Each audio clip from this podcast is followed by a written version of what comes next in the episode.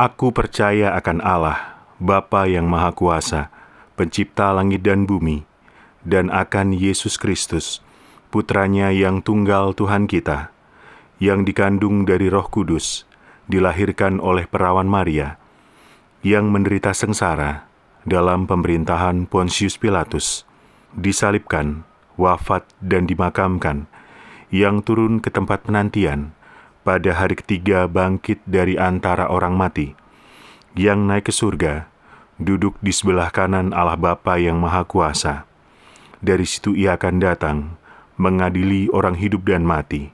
Aku percaya akan roh kudus, gereja katolik yang kudus, persekutuan para kudus, pengampunan dosa, kebangkitan badan, kehidupan kekal. Amin.